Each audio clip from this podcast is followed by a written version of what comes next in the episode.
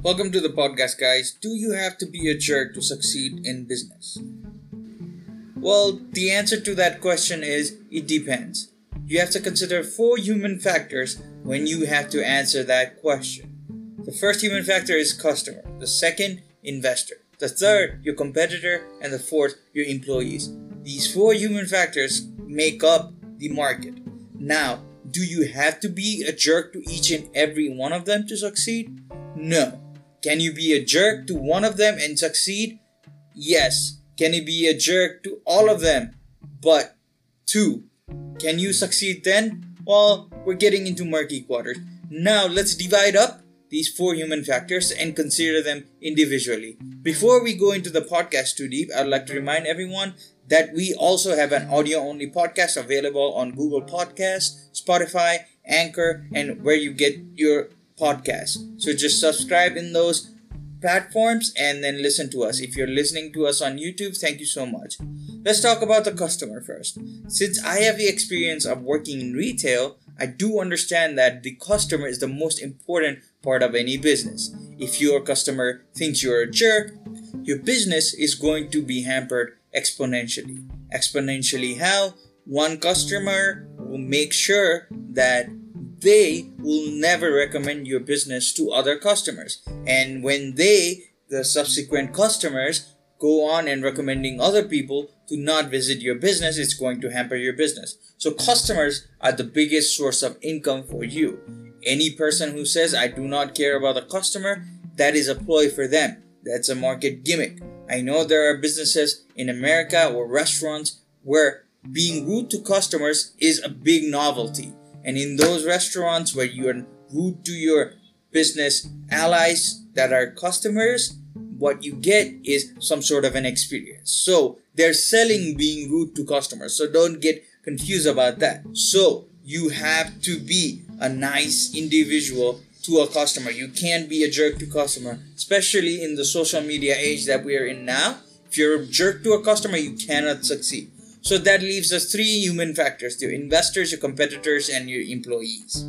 Now you must be thinking, how can I be a jerk to an investor and how I can succeed? Well, you can't be a jerk to an investor if your investor is a jerk to you. It's sort of a power play because your investors are your passive business partners in most cases. And if they start being active and you are the founder of any business, you have to put your foot down that's when you have to be a jerk. But being a jerk 24 7 doesn't help you with an investor. Sometimes they might want to pull the plug with their money. That doesn't help you. You have to play nice. So being a jerk to your investor doesn't help. There are cases in the past where you've screwed your investor or people have screwed their investors and it has worked out for them. And there are situations in the past where they've tried to do the same and things haven't ended up quite so well for them. So you have to be very nice to them. And investors also mean in many cases banks. Can you be a jerk to a bank? Because they'll make your life hell. So can you be a jerk to your bank or an investor? I don't suggest that you become a jerk to your bank or any kind of investor. That just brings up bad blood. And since they're your business partners, you always want to have a healthy relationship with them. Understand? So you can't be a jerk to your investor. So, bottom line is you can't be a jerk to your customer, you can't be a jerk to your investor. Now we get into the gray area. Who can we be a jerk to? Well, the best place to be a jerk or an asshat or an asshole or a prick or a twit is to the competitors. Now you can't be going around and becoming an asshat and destroying their properties. That's illegal. You can't be doing that. What I'm suggesting is power play them. You make sure that you're an asshat in terms of branding. You're aggressive that's a sort of being a jerk. They hate the guts of your business acumen, but they love you. They must hate your business ideas. They must hate your business attitude, but they must love you. That's the idea of being a jerk. Can't be pissing people off, okay? You can't be doing that. But do you have to? Well, here's the case. Apple. When Apple started, they started hard. Steve Jobs was an asset to everybody. He was an asset to every other company out there, and he condemned any other company that disrupted his image of what the PC computer world or the technology world could be. And he took Apple to new heights. But it's a double edged sword. When you start roasting other competitors, you be sure you can back it up. And when your own board starts thinking that's not a wise move, you get kicked out. But the story is he got back into Apple in 1997 and everything changed and history as you know it was written. But the fact of the matter is, it's a double-edged sword. Can't be always saying, I'm gonna run my competitors to the ground and not back it up. Walk the walk and talk the talk. That's the idea if you want to be a jerk, if you want to be an asset to your competitor. Same goes for Bill Gates.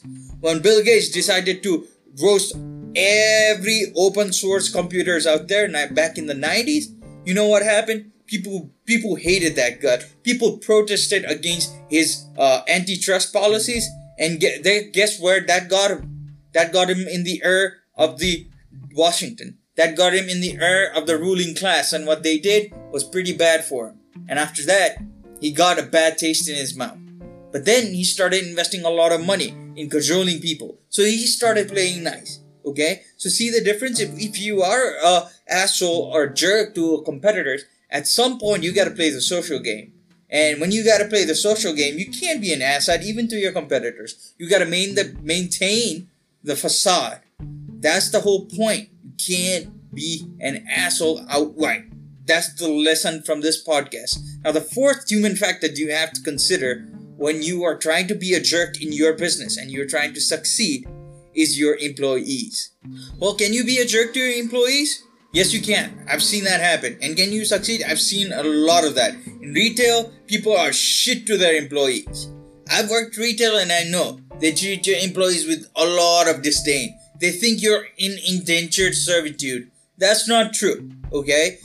They're never in your indentured servitude. These are your employees. You pay for their service. So, being nice, playing nice, and paying them nice is good. But then that comes at a cost the cost of profit. And when you are costing yourself with money, with your profit, you think, oh, I can be an asshole, I can be a jerk to my employees and then get away with it. But then think about this happy family, wealthy family, healthy family. If your business is a family to you, then you can succeed. But then I'm going to give you an example.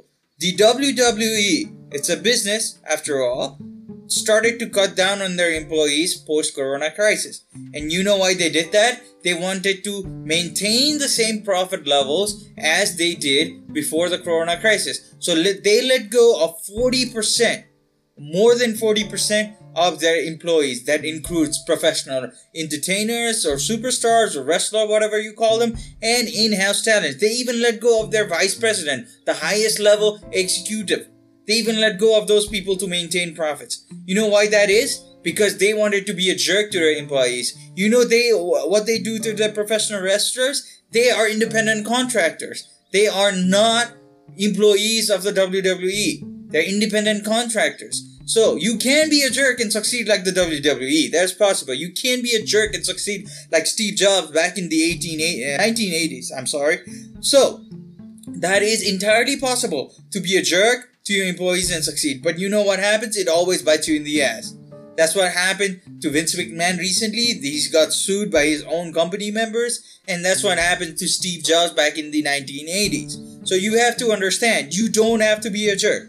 Now, after these four human components, you have to think about your branding. If you are a jerk, and if you have that idea of being a jerk, it's necessarily not going to help your business. But if you're only thinking on profit margins, it, it is sure is if you're not gonna play nice, it's gonna help you. If you don't have any morality, if you don't have any moral center, it's gonna help you. If you adulterate your food, if you're in the food business, if you adulterate your service, if you're in the service business, if you adulterate your habits, if you're in the habit making business, if you adulterate any amount of thing to be important, and if you wanna create that business, then you have to be a jerk. Asshole. Be an asshole. People who keep barking, you want to earn money, just earn money. Don't take my advice for it. If that's your personality, go for it. But if you're suppressing your personality and you're playing fake, it's not gonna help you. Find that right balance, you know? Everybody is not bad. You're not bad inherently. Everybody learns these tips and tricks because they've been treated bad. So if you want to be an asshole, be an asshole. But be a fair asshole. Being a fair asshole means you talk better, but then you maintain the right moral grounds based on your personality. So, do you have to be an asshole to succeed in business? Hell yeah. But do you have to be a righteous asshole? Hell yeah. Do you have to be a morally bankrupt asshole? I don't think so. Can't be a bankrupt asshole. If you're a morally bankrupt asshole, that's gonna bite you in the ass. And that's today's podcast. If you want to listen to the audio only podcast, just follow us on Google Podcast, Spotify, or anywhere else where you get your podcast. And as always, always keep playing hard. And if you want to succeed in business, do always what's right for your business and always maintain a good relationship with everyone in your vicinity. You never know when you need somebody's help. And if you're an asshole to everybody or somebody, there might be a wrong day when you get pissed off. You might say something wrong, and then that might bite you in the ass. And as always, remember, it's not who you're pitching to, it's where you're pitching. Thank you.